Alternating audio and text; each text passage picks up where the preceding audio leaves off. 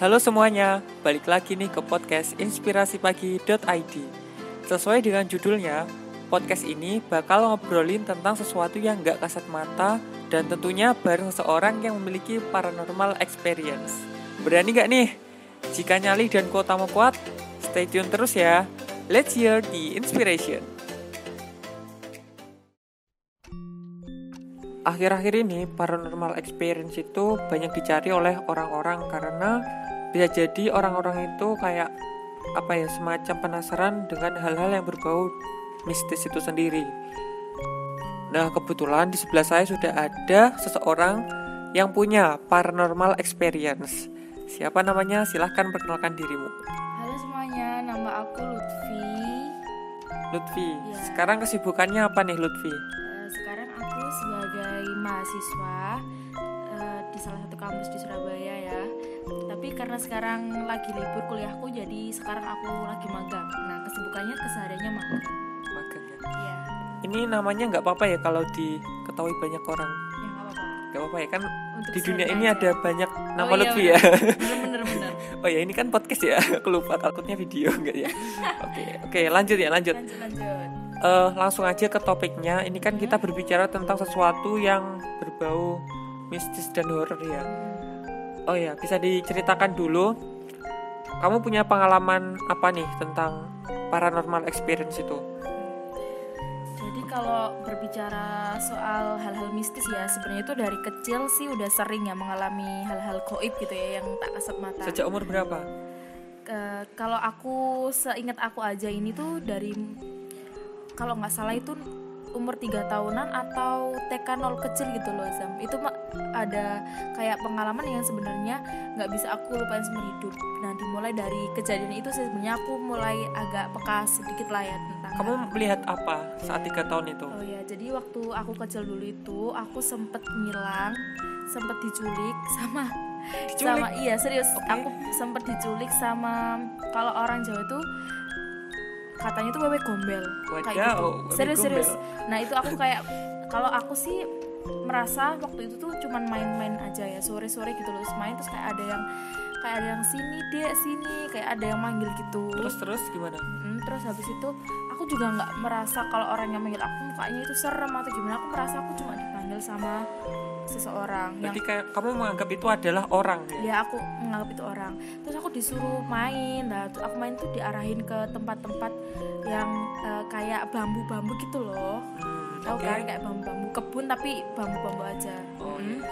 nah aku di situ tuh kayak main ya biasalah namanya anak cewek ya anak kecil kayak merasa main-main apa sih pasir kayak gitu loh kayak main-main di tempat tanah gitu nah tapi kata kata ibu aku kata keluarga aku aku tuh lagi dicari itu tuh sampai kayak jam 8 malam aku belum pulang Dari Nah. jam berapa? dari sore jadi jam Oh. 4 sore habis mandi anak kecil habis dimandiin gitu sampai jam 8 malam katanya itu belum pulang nah aku ngilang. Terus sampai dicari-cari sama tetangga-tetangga aku tetangga-tetangga aku ikut bantu nyari gitu. Kan kebetulan aku ini dari daerah ya. Makanya kayak aku dicari sama tetanggaku dan ternyata aku ditemuinya itu di kebun-kebun yang apa banyak pohon bambunya Dan itu jam 8 malam. ya jam sekitaran jam segituan lah. Nah mulai dari situ itu aku kalau ditanya sebenarnya kamu tuh bisa melihat ini apa enggak sih? Kayak belum yakin juga sih karena aku tuh nggak bisa yang misalkan kamu ngelihat ini. Nggak nggak selalu bisa gitu maksudnya. Oh, berarti apakah kamu menamai dirimu dengan indigo atau masih belum? nah kalau indigo sendiri sebenarnya aku tuh belum belum paham ya pengertian indigo yang sebenarnya itu gimana. Tapi kalau yang orang awam menurut orang awam kan kalau indigo tuh yang bisa melihat di mana aja sebisa apa di bawah kendali dia. Kalau dia mau lihat di tempat ini dia bisa lihat. Tapi kalau aku itu nggak kayak gitu aku tuh merasa kalau diri aku ini tuh lebih ke sensitif lebih ke sensitif dan emang aku sering banget di di apa namanya di, ditampakin sama sesuatu yang berbau goib itu. Tapi kalau aku disuruh misalkan disuruh lihat lu di ruangan ini ada apa sih? Aku tuh nggak bisa. Kalau aku yang mengendalikan tuh nggak bisa. Tapi secara tidak sadar itu aku sering dikelihatin gitu. Tapi Oh. kalau aku sendiri yang mau melihat itu nggak bisa. Oh, berarti kamu istilahnya kayak secara tidak sadar gitu ya, bukan atas kendali dirimu ya gitu enggak ya? kalau di tahap itu tuh aku nggak bisa berarti mungkin masih dalam level indigo yang masih newbie gitu ya katakan masih newbie abal karena abal kurang diasah kali ya Iya. ya carikan guru lah kalau bisa ya. patut untuk diasah bakat indigonya nah eh, selain dari kecil tadi kan udah kayak pernah diculik gitu ya istilahnya nggak diculik terus hilang itu yang nggak terlupakan Mm.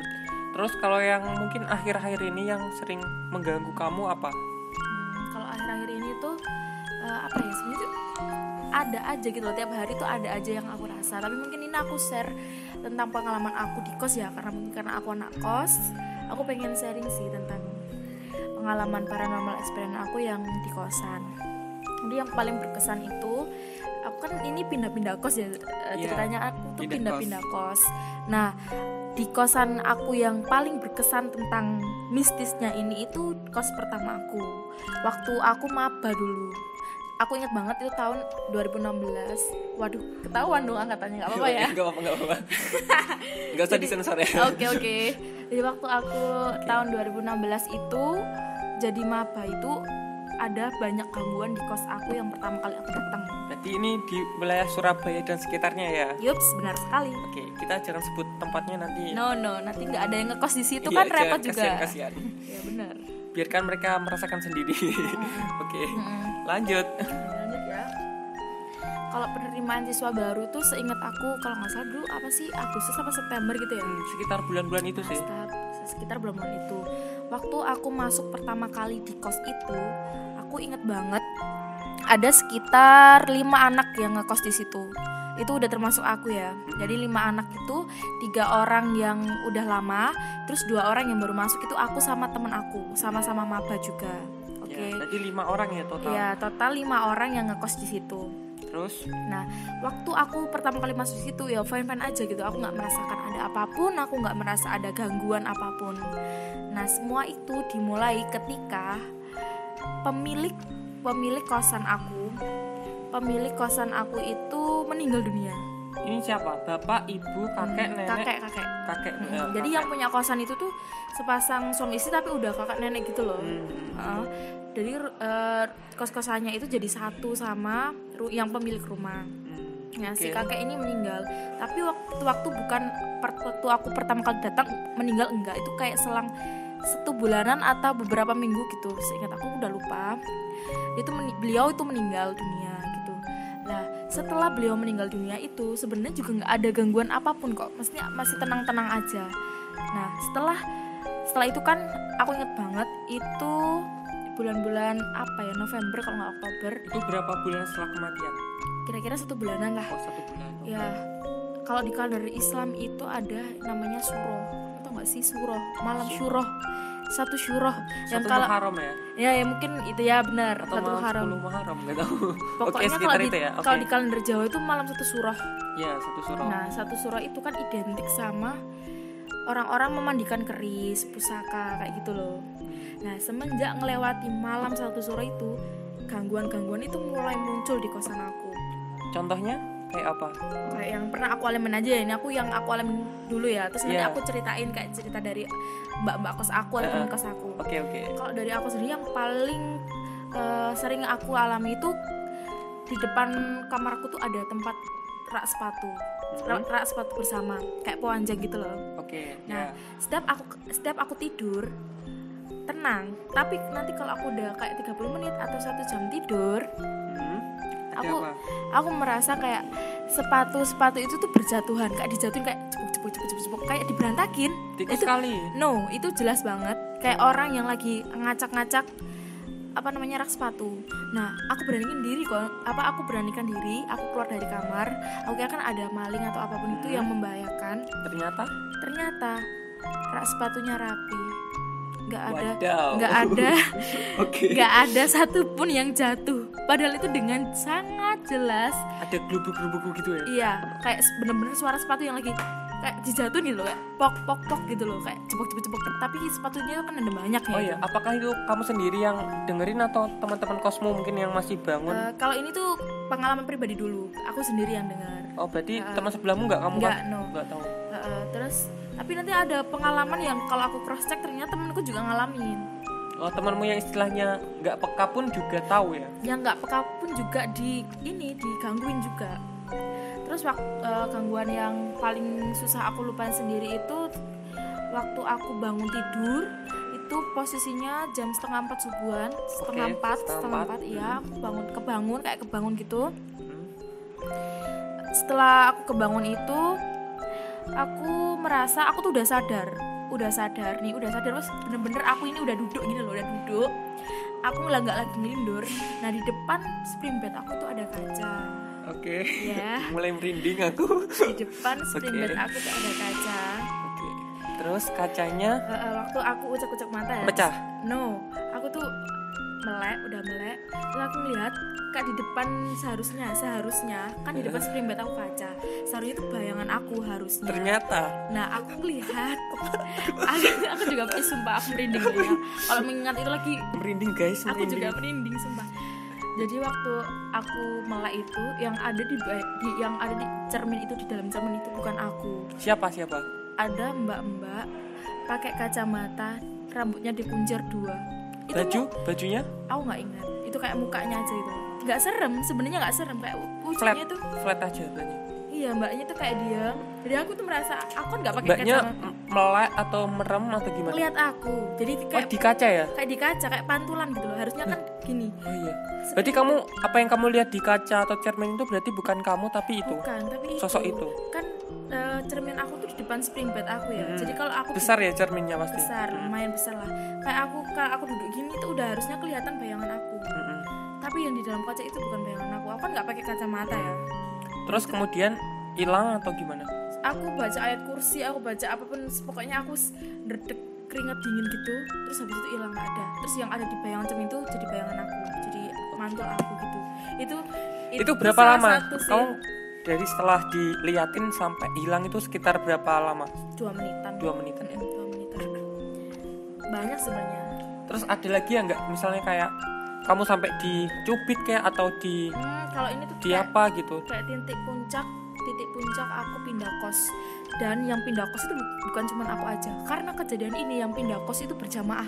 Lima orang anak yang tiga tiga, Tiga lama, lama, sama dua dua, baru. baru. ini semuanya pindah berarti semuanya kosong pindah. semua ya kosong semua terus Eh, yang waktu itu tuh aku pulang dari eh, kampus pulang Hmm. dari kampus tuh maghrib maghrib Oke, sekitar jam maghrib. 6 ya berarti ya, jam 6 jam 6 lah setengah 6 jam 6 aku itu masuk ke ke dalam rumah ke kos-kosan aku nah seingat aku ini ya di kosan aku itu nggak ada kucing. Dan kosanku tuh kan pakai pagar besi gitu ya. Jadi Hmm. kayak jarang banget ada kucing tetangga yang bisa masuk karena emang rapat banget.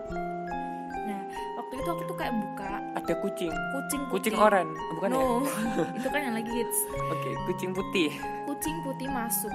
Nah terus habis itu ya udahlah bodo amat ya namanya kucing kali ya. Mungkin kucing tetangga masuk. Aku tetap aja ngelanjutin buka ke nama masuk ke kos kosan tapi aku ngelihat ada keanehan dari kucing itu. Apa? Bisa? Semakin lama semakin lama kucing itu semakin besar? No. Kayak dia tuh eh, melayang gitu loh kayak melayang. Astaga. Serius sumpah. Melayang Terus- kucing itu? Tiba-tiba burung kali. No kucing. tiba-tiba dia berubah jadi melayangnya gimana? Maksudnya melayangnya dia bisa ada kayak sayapnya jadi kayak tiba-tiba ber- enggak dia kayak berubah bentuk zam. Jadi kayak dia kan kucing ya kucing. Kayak berubah, masuknya itu wujud kucing. Masuknya ke dalam Masuk- kosan aku wujudnya kucing. Masuk ke kos ini ke kamar atau masih Masuk dalam ke kos. rumah? Rumah-rumah rumah. Masih dalam rumah ya? belum ke rumah- kamar ya? Belum. Itu kayak wujudnya itu Kucing. kucing. bener-bener kucing. Tapi waktu lama-lama bentuknya ini dia itu berubah bentuk. Menjadi? Jadi kaki kaki warnanya? putih. Ada bulunya nggak? Nggak ada. Kaki yang kayak kaki pucat cuma satu dua kaki? satu kaki. Oke satu kaki. Sampai lutut. Dari pergelangan sampai lutut melayang masuk ke kamarku. Oke. Langsung aku masuk kamarmu? Masuk kamarku. Kenapa harus kamarmu? Kenapa nggak kamar Tahu, yang atau mungkin apakah karena- kamarmu terbuka? Enggak tertutup. Aku kan baru datang ceritanya. Enggak, berarti kamarmu ini dalam posisi kamu dari dalam masih di luar. enggak aku masih di luar. Aku masih kayak baru nutup Oh, berarti itu kayak melayang terus tembus kamarmu. tembus. Astaga. aku langsung aku langsung diam terus teriak. Aku tapi nggak bisa langsung teriak. Ah enggak aku diem dulu. Terus teriak, diem dulu terus baru aku teriak tapi sambil kayak aku gini loh sampai sam- sampai aku tuh nutupin mataku terus teriaknya tuh sambil nutup mata. Terus waktu itu ada temen aku yang maba itu udah sampai terus dia tuh kayak nanya kenapa lu kenapa lu terus itu berarti pas jam 6 tadi ya? Ya maghrib. Berarti udah banyak dong anak-anak kos yang udah di kos sana? Ada ya maksudnya ini- maksudnya di kos semua gitu loh dalam kos ini. Nah, ini jadinya karena kejadian itu aku kan teriak ya aku teriak. Terus mbak-mbak yang eh, kos-kosan aku juga keluar mbak-mbak yang lama tadi keluar kayak nanyain ada apa? gitu kan. Eh, ada apa deh kayak segitu gitulah normatif ya. Terus aku masih shock sama nangis karena bener-bener aku ngeliat kaki dari kaki selutut kaki aja satu kaki melayang tembus masuk kamarku. Itu kayak mulai apa namanya? Mulai ada semacam ketakutan yang lebih tinggi gitu Iya, ya aku soalnya kayak ini nggak bisa dibiarin. kamu Nggak- diliatin secara langsung gitu Iya, ya dan itu bener-bener titik puncak aku nggak bisa ngekos di situ. Setelah itu tuh mbak kos aku nanya terus mulai kita semua itu masuk sepakat bersekongkol untuk Kita keluar masuk- dari kos itu. Kita masuk ke kamar teman aku yang maba itu tadi. Kenapa kok masuk kamar situ? Ya karena karena aku nggak berani masuk kamar aku kan. Oh jadi kamu nginep di kos kamar sebelah? Ya pokoknya aku di sidang lah istilahnya di situ. Kenapa aku ditanyain Oh, terus gitu. ditenangin. Nah mulai dari situ kita semuanya jadi terbuka tentang keanehan-keanehan yang ada di kosan itu. Kayak temen aku yang mabain tadi tuh ternyata dia tuh sering dikeliatin mbak-mbak pak rambutnya panjang pakai dasar putih nata-nata piring. Nata-nata Oke. piring. Kayak ya kayak suara-suara yang aku dengar suara sepatu yang berjatuhan tapi ternyata sepatunya nggak ada yang jatuh satupun. Teman aku tuh pernah lihat dengan mata kepala sendiri ada mbak-mbak itu lagi nata-nata piring. Ada wujudnya nata-nata nyuci piring. Nata, Nata. bukan nyuci. Dia tuh kayak nata-nata enak sampai ya kalau bisa nyuci sendiri kita nggak usah nyuci. Tapi kan serem juga karena mbak-mbaknya nggak ngerti wujudnya gimana kan. Oh, dia cuma nata doang ya? Ya kayak dia tuh kayak menghasilkan suara ting ting ting ting piring yang bergesekan gitu loh. Mungkin lapar ya? Nggak tahu sih. Ya bisa aja sih. Terus Oke. kalau dari mbak-mbak yang lama itu cerita kayak sering diketuk tengah malam. Oh ya Waktu di- diketuk. diketuk tiap apa tengah malam gitu, hampir-hampir tiap malam. Terus waktu kayak dibuka dibuka kamarnya nggak ada siapa-siapa.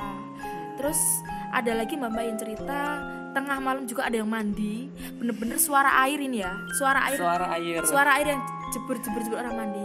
Tapi waktu ditungguin nggak ada yang keluar dari kamar mandi. Terus kamar mandinya dibuka. Lantai kamar mandinya kering. Astaga. lantai kamar mandinya kering siapa ya? Nah itu kayak hampir-hampir sama kayak Oh, iya. aku yang kedengeran sepatu jatuh tapi nggak ada satu satu pun yang jatuh. Kayak gitu lah oh ya tapi gini kan itu kan tadi yang meninggal kakeknya. Iya ini ada sesuatu ternyata. Dan pasti kan apa neneknya tadi atau istrinya dari kakeknya itu kan pasti kan masih di situ juga. Nggak. Nah aku ceritain ternyata ada apa yang akhirnya membuat kita muntap semua berlima dan akhirnya memutuskan untuk pindah. Apa? Jadi si nenek ini pasca kakeknya meninggal dia tuh nggak mau ting- ting- tinggal di rumah itu. oh jadi berarti kalian selama setelah meninggal itu nggak ada penghuni kos eh pemilik kos yang di sana gitu? Enggak, berarti kalian bebas ya? Pulang malam. Oke. Terus? Nggak bebas juga pak. Ya, dia tuh ikut ke rumah anaknya yang juga di Surabaya. Nah waktu itu kita baru taunya ada apa sih kok kosan ini menjelma jadi sesuatu ini? Kita tuh nanya ke yang bersih bersih kos. Siapa itu bersih bersih kos? Kayak sejenis pembantu gitu. eh kok sejenis astagfirullahaladzim maksudnya orang yang bantu bantu di kos. Bantu di kos. Hmm, eh, kayak jenis pembantu gitulah. Nah tapi dia tuh nggak tidur di situ kayak tetangga. Dia tuh pembantu kosan aku tuh tetangga tetangga aku. Jadi kalau tiap pagi dia bersihin kayak itu udah lama atau baru-baru ini maksudnya lama sih. maksudnya itu sebelum kakeknya meninggal itu pun dia juga bersih bersih Iya, iya. oh berarti udah nah langganan terus, gitu ya? ya kita curhat. Kita berlima curhat sama si mbok ini. Mbak ini Heeh. oke. Di- aku eh, curhat kenapa sih kita tuh semua berlima sering diganggu? Ternyata usut punya usut ternyata? si kakek yang meninggal ini almarhum ini itu dia itu nyimpen banyak benda pusaka di kamarnya yang otomatis kalau seharusnya malam suroh itu yang berhubungan sama tadi dimulainya kehororan di kosan aku seharusnya kalau malam suatu suroh itu mereka itu minta dikasih makan. Lah karena tuanya udah mati otomatis mereka kan nggak ada yang ngasih makan ya. Akhirnya gentayangan lah di kosan kayak gitu. Emang makanannya apa? Aku- kalau menurut aku sih ah, dari kejadian ini aku tanya-tanya lah sama eh, teman aku mungkin yang paham kejawen, terus nanya-nanya ke mbok yang tadi kayak keris-keris gitu tuh minta dimandiin kan biasanya kalau suro. bukan dikasih KFC ya Ya, itu aku. kan tadi kan minta anu ngetok-ngetok piring gitu Jadi yang kayak da- dapat prediksi dari yang si punya apa namanya si yang jaga ini. yang jaga. Mungkin selama ini gangguan-gangguan ini dari penghuni keris-keris dan yang mulai kelaparannya. Iya, yang- lapar. Iya bener Tapi tolong kayak aku Kayak lapar aku baca di artikel-artikel juga masuk akal juga sih sebenarnya kalau keris nggak dikasih makan atau nggak dirawat itu tuh jadi jadi kayak gangguan gitu loh. Yang di dalam makhluk-makhluk yang ada di dalam mereka itu em, menampakkan diri mengganggu karena mungkin ngasih kode mungkin ya ngasih kode jadi ini ter- aku lapar nih gitu Mm, kayak gitu jadi mana ternyata yang biasanya ngasih makan aku Nah, yang kasih makan meninggal. Jadi si kakek ini tuh orang yang suka apa ya? Bukan suka sih, maksudnya dia tuh punya ini apa namanya? punya keris-keris pusaka kayak gitu. Ini yang cerita kayak gini tuh orang yang udah ikut lama sama dia yang bersih-bersih kos aku tadi loh. tapi pas selama kamu kos di situ emang ada gelagat yang aneh dari kakeknya nggak misalnya kakeknya itu sering apa gitu. Mungkin Enggak sih kamu- waktu aku masuk di situ kakaknya udah sakit. oh udah sakit ya. Jadi si nenek ini yang punya kosan ini sadar sebenarnya kalau akan terjadi seperti hal itu. Makanya dia tuh kayak nggak mau di situ. Karena ya mungkin merasa lah kalau misalkan benda-benda mereka kan juga mungkin menganut kejawen juga kalian maksudnya kayak ya kalau benda-benda kayak gitu nggak dira diruat nggak dikasih kasih apa yang seharusnya mungkin ya bakal ganggu gitu. Jadi kita kayak merasa oh sialan banget ternyata di kita di sini kayak dibuat Umpan ini ya. umpan gitu ya. Terus aku langsung ya berlima. Sepakat. Sepakat buat pindah kos. Langsung berlima limanya ini. Terus ini kan kamu udah pindah. Kira-kira kos kosnya itu sekarang apakah ada yang nempatin atau enggak Kalau itu aku kurang tahu sendiri ya karena aku sekarang itu nyari kos yang jalannya itu nggak sama kayak kos aku yang dulu. Tapi waktu itu pernah bukan dalam waktu dekat, kira-kira tahun kemarin kayaknya aku lewat situ kebetulan eh, sepi. nggak ada tanda-tanda misalnya ada motor Iya sepi, kosong kosong. Tapi aku nggak ngerti itu mungkin ada yang ngekos tapi nggak lagi di situ mungkin. Tapi aku kayak menangkap suasana itu sepi. atau mungkin ada tulisan terima kos Nah, itu perempuan ada. gitu nggak ada? Nggak ada. Atau mungkin itu udah nggak dijadiin kos kosan di diambil sama anaknya di rumah kan kita juga nggak tahu kan. Hmm, ya bisa aja sih. Tapi semenjak itu kayak ra- rasanya tuh oh kayak gini kayak menjadi pengalaman yang nggak terlupakan juga sih seru sih. Ya Ya, nggak seru sih maksudnya kan waktu Oke, jadi maba. ya. Jadi maba yang seharusnya kita aman-aman aja nih baru datang ke kota rantau malah diganggu kayak gitu kan juga nggak enak. Ternyata ada sebabnya gitu. Jadi kita kan kalau kita ngelogika oh ya pantas karena memang si pemilik kos itu menyimpan eh, benda-benda seperti itu dan orangnya meninggal. Nggak ada yang me- apa merawat tetap ditaruh situ ya akhirnya yang keluar yang penghuninya itu mengganggu anak-anak kos. Oh iya ini kan tadi ceritanya di kos-kosan. Kalau di luar kosan kamu apakah juga mengalami sensitivitas itu sendiri? Atau cuma di kos tergantung juga sih misalnya kalau di kampus mungkin? Nah kalau cewek kan ada masa ya masa headnya masa tanggal merah lah datang bulan itu lebih peka lebih kayak merasa hawa tuh tiba-tiba di ada di tempat-tempat tertentu jadi anget padahal aslinya ya enggak. Kayak kita itu lewat itu kamu melihat atau sekedar kayak rasanya aja? ra- biasanya yang paling sering itu rasa sih. Cuman kalau ya, menurut aku ya menurut ilmu yang aku pelajari ya maksudnya aku ilmu kan dari mana nih? Nah, kan juga nanya-nanya juga ke orang tua aku kayak gitu kan. Eh, kita sih sebenarnya kan kita ini yang kalau kelihatan atau nggak itu kan kita perang energi ya. Misalkan energi kita sebagai manusia ini lagi rendah mungkin kita bisa dinampakin karena energi mereka lebih kuat. Tapi kalau energi kita yang lebih kuat ya mungkin kita juga nggak bisa ngelihat mereka gitu karena energi kita lebih kuat daripada mereka. Nah waktu aku kayak capek ini bisa kayak bisa di apa sih kak di, bisa jadi patokan sih sebenarnya. Kalau aku capek aku udah nggak mood apa apa kayaknya badan aku udah nggak ini aku tuh sensitif. Kan se- kesensitifan aku terhadap hal-hal itu meningkat. Tapi kalau aku lagi seger lagi lagi fit gitu lagi ya fit itu jarang kayak gitu. Jadi aku sepakat sih sama hal-hal yang katanya kita sebenarnya adalah kumpulan energi. Kita perang dengan sebuah energi. Kalau mereka energinya lebih kuat ya otomatisnya kita yang ditabrak kayak gitu. oh ya kamu pernah kayak kesurupan gitu nggak sih? Nggak sih alhamdulillah seumur hidup. Belum ya. Tapi berarti cuma kayak sekedar dinampakin aja gitu ya, kayak sering banget dinampakin sering ngerasa gitu. Banyak sih sebenarnya pengalaman gitu. Cuman ya, mungkin apa ya menjadi hal-hal yang jadi keseharian karena udah terbiasa ya jadi awalnya ya udahlah emang kita kan hidupnya berdampingan sama mereka. Jadi bagi aku yang udah sering mengalami kayak gitu jadi kayak hal yang biasa. Jadi ya udahlah biasa aja.